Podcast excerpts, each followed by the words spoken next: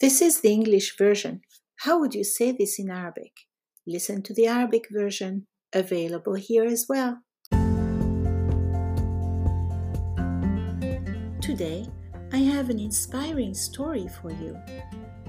Someone I met on Clubhouse mentioned that because nurses were refusing to come to his house and give his mom a shot because she had coronavirus, he had to give her the shot himself after learning from a YouTube video.